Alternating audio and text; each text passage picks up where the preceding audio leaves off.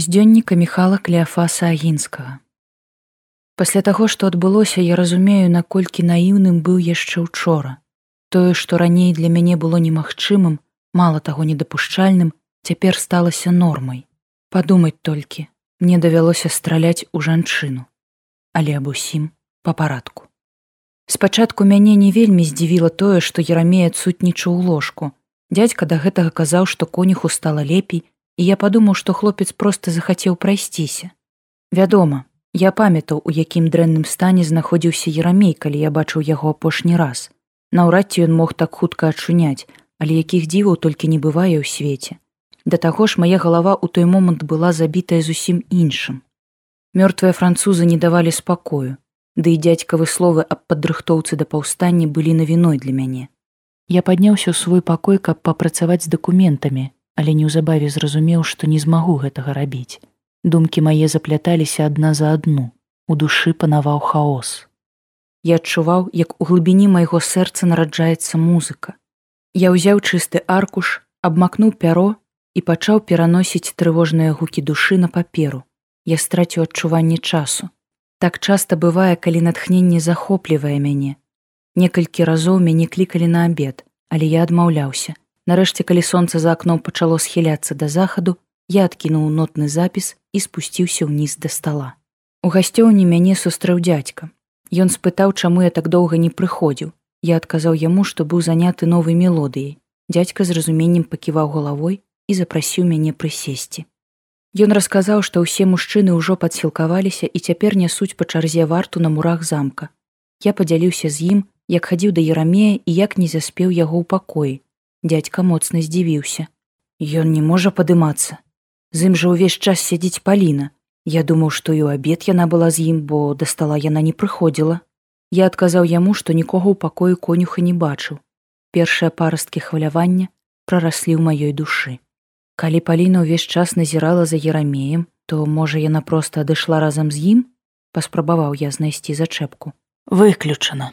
Ярамей хоць і быў дзень лепшы, чымся ўночы, але ён кубка вады падняць самастойна не мог, не тое, што хадзіць. Дядзька расхваляваўся не на жарт. З імі, напэўна, здарылася нешта дрэннае. Стары граф падняўся і выйшаў на двор паклікаць кагосьці са слух. Не магу пазбавіцца ад звычкі называць дзядзькавых сяброў інсургентаў слугамі. Вярнуўся ён з казімірам. Абодва былі са стрэльбамі, казік у дадатак трымаў у руках запалены ліхтар. Михале, табе лепей набіць сваю пістолю ці мала хто мог пралезці да нас праз муры я пакінуў зброю ў сваім пакоі і таму мы спачатку зазірнулі туды. Потым спусціліся на першы паверх і прайшлі да слугавых апартаментаў я спадзяваўся што ерамей ужо вярнуўся куды б ён не адыходзіў і адпачывае але пакой быў такім жа пустым як і папярэдні раз калі я быў тут. Ясінскі такое было прозвішча казіміра з ліхтаром падышоў да ложка. Завешанае акно пропускала мала святла. Да таго ж на дварэ імкліва цямнела. Казік нешта разгледзеў і паклікаў нас падысці бліжэй. Паглядзіце тут кроў! Ён нахіліўся над бялізнай. Сапраўды на тканіне былі бачныя чырвоныя плямы засохлай крыві.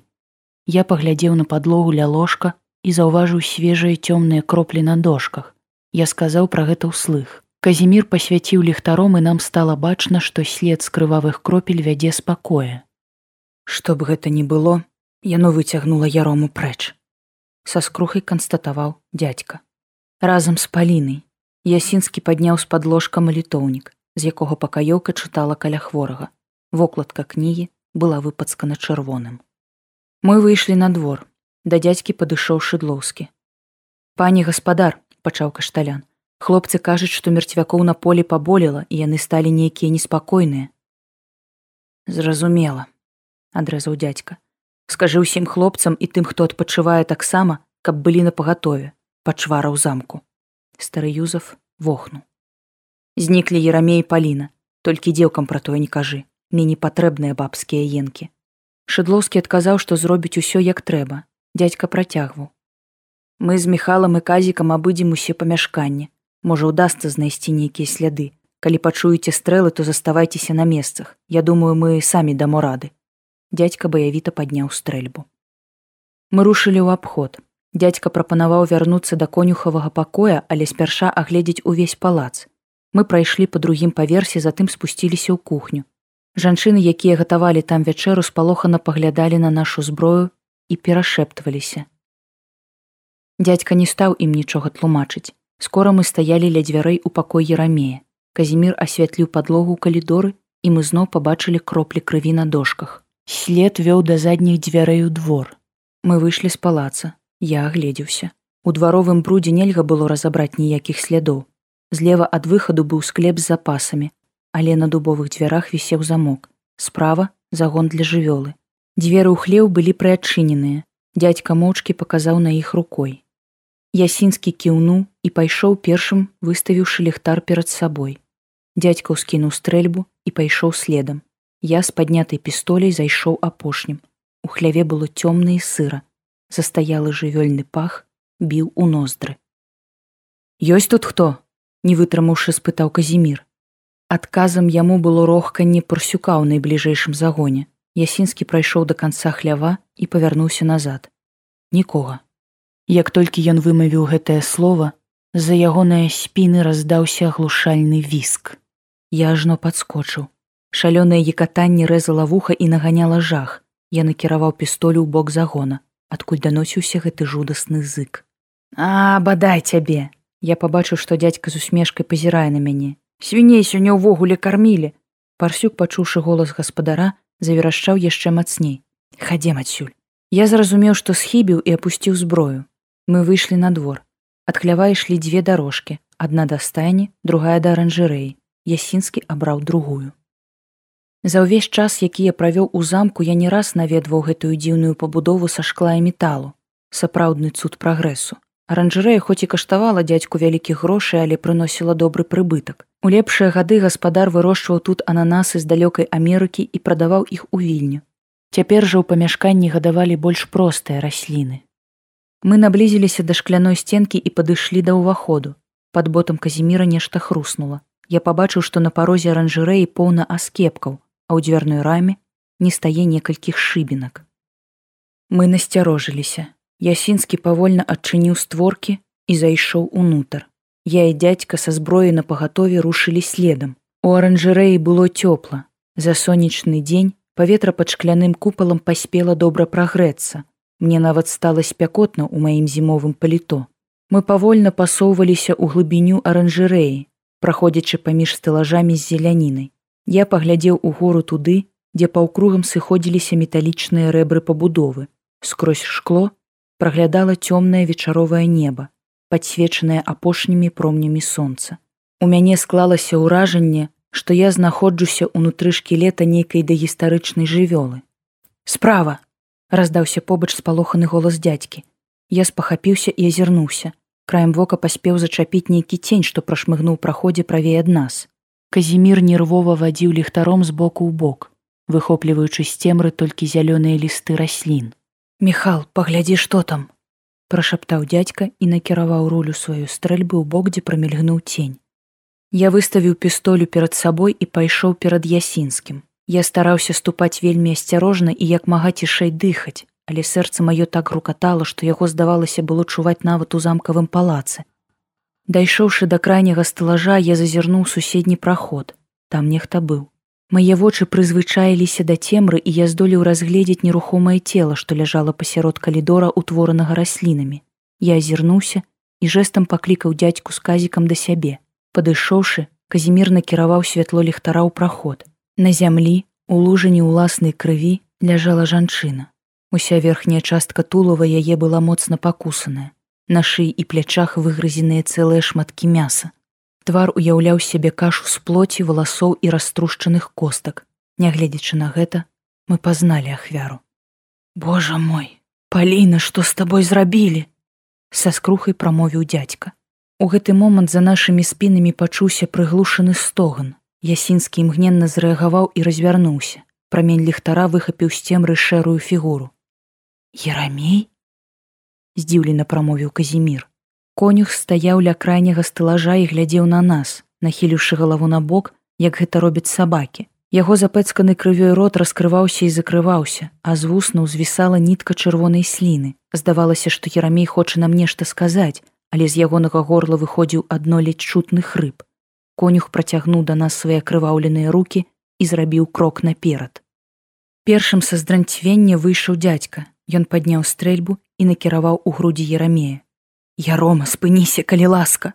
Голас дзядзькі дрыжэў, А то я буду страляць конюх не спыняўся Ён працягваў цяжка ступаць па зямлі выцягнуўшы наперад руки нібыта хацеў заключыць нас усіх у абдоймы набітае свежым мяса пуза выпірала з-пад кашулі рот раскрываўся і закрываўся Ерамей усё яшчэ хацеў есці Я разумеў што чалавекам ён ужо не быў дядзька ж усё ніяк не хацеў у гэта поверыць стой дружа спыніся у цьмяным святле ліхтара нічога немагчыма было разгледзець але я ведаў, што па дзядзькавых шчаках каціцца слёзы. Конюх не прыпыняўся. Грук ад стрэлу. Шматкроць адбіўшыся ад шкляных сценак аранжырэй, моцна ўдарыў мне ў вушы. На імгненне я страціў здольнасць чуць. У поўнай цішыні я назіраў, як валіцца на зямлю цела конюха. Куля ударыла яго ў ключыцу і развярнула ў паветры. Паваліўшыся, Ярамей не супакоіўся. Ён пачаў грэбсці рукамі і нагамі па зямлі. Было зразумела, што конюх спрабуе падняцца. Слых паступова вяртаўся да мяне і я пачуў загад дзядзькі. Хлопцы, дабіце яго хто-небудзь я не магу. Дядзька ўзяўся перанабіваць стрэльбу. Шомпал дрыжэў у ягоных руках. Казімир адрэагаваў раней, чым я. Ён сунуў мне свой ліхтар, узяўся абедзвымі рукамі за ружо і асцярожна наблізіўся да конюха, накіраваў стрэльбу долу, так што руля апынулася насупраць конюхавай галавы грымнуў стрэл. Конюх апошні раз здрыгануўся і заціх назаўжды. Я быў падрыхтаваны і каб зноў не аглухнуць, стаяў разявіўшы рот. Так рабілі імперскія гарматнікі, калі палілі з карцечніцаў па паўстанцах пад вільняй. Казімир нахіліўся, каб стрэсці з ботаў аскепкі конюхавага чэрапа. Дядзька закінуў свінцовы шарык у рулю сваёй стрэльбы. Я азірнуўся назад, туды, дзе ляжала цела пакаёўкі. Паліна стаяла на нагах. Ейны знявечаны твар быў павернуты ў мой бок. Налітае крывёй вока, адзінае, што захавалася цэлым, не мігаючы глядзела на мяне. Жах пусціў кіпцюры мне ў душу і прымусіў дзейнічаць. Усё адбывалася нібыта ў сне. Мая рука, тая, што сціскала пістолю, паднялася ў гору. Далонь накіравала рулю проста ў галаву мярцвячкі. Палец пацягнуў спускавую дужку. Цыркнуў крэмень, і праз імгненне галава мёртвай пакаёўкі выбухнула нібы пераспелы кавун. Абезгалоўленае цела мехам грымнулася на зямлю. Гэты момант расцягнуўся для мяне ў вечнасць. Я назіраў, як павольна лятуць у паветры часцінкі паліненага мозгу, як уздымаюцца гору бязвольныя руки і падкошваюцца ногі пакаёўкі. Краем вока я бачыў, як павольна азіраецца дзядзька, як разварочваецца казімир, як паступова мяняюцца выразы іх твараў. Я чуў кожны удар свайго сэрца, нібы бой гадзінніка, павольны і разважны. Я адчуваў, як смурод спаленага поруху ад майго стрэлу разлятаецца па памяшканні. Час аднавіў для мяне свой нармальны ход тады, калі да майго слыху дайшлі першыя дзядзькавы словы. І ты, Паліна. Стары граф запнуўся. Значыць, укусы мерцвякоў заразныя, і пасля сам становішся такім жа. Раптам змоўклі ўсе гукі, усталявалася цішыня. Пасля стрэлу і грукату, што яшчэ нядаўна скалыналі сцены аранжырэй, бязгучча падавалася абсалютным. Сонца даўно зайшло і на дварэ запанаваў змрок. Святло даваў толькі ліхтар, які я працягваў трымаць у левой руцэ. Жоўты праменьчык выхопліваў з цемры абрысы знявечанага цела пакаёўкі і рэбрысты лажоў з зелянінай паабапал яе. Пасля забойства, а я ўспрымаў свае дзеянні менавіта так, думкі ў маёй галаве не адразу змаглі вярнуцца да свайго звычайнага стану. Паступова да мяне дайшло тое, што сказаў дядзька. Божухна, што ж тады адбываецца ў кляштары? Страшная думка абпаліла мой розум. Што міхаля, што ты сказаў? Дядзька яшчэ не да канца адышоў ад гучных стрэлаў. Там цэлы шпіталь параненых. Калі ўсе яны ператворацца ў гэта, то мяне жахнуў вусцішны лёс, які чакаў манахаў то ўсе загінуць усе хто там быў мяне ахапіла прага дзеянню я не мог стаять на месцы Я ўзяўся ліхаманкава перанабіваць пістолю. Ліхтар выпаў з маіх рук на зямлю, але не згас. Я павінен ехаць, я павінен папярэдзіць іх, амаль крычаў я. Пачакай, як ты паедзеш на дварэ ўжо ноч. Дядька хутка ўцяміў, пра што я кажу і што хачу зрабіць. Міхалі, ты нічым ім ужо не дапаможаш. Нават тады, а пантаны я разумеў, што ён мае рацыю. Разумею цяпер, калі пішу гэтыя словы. Тады дзядзьку ўдалося затрымаць мяне, але я ўсё роўна адчуваю, што мусіў зрабіць усё магчымае, каб дапамагчы тым выжылым, хто яшчэ мог заставацца ў кляштары.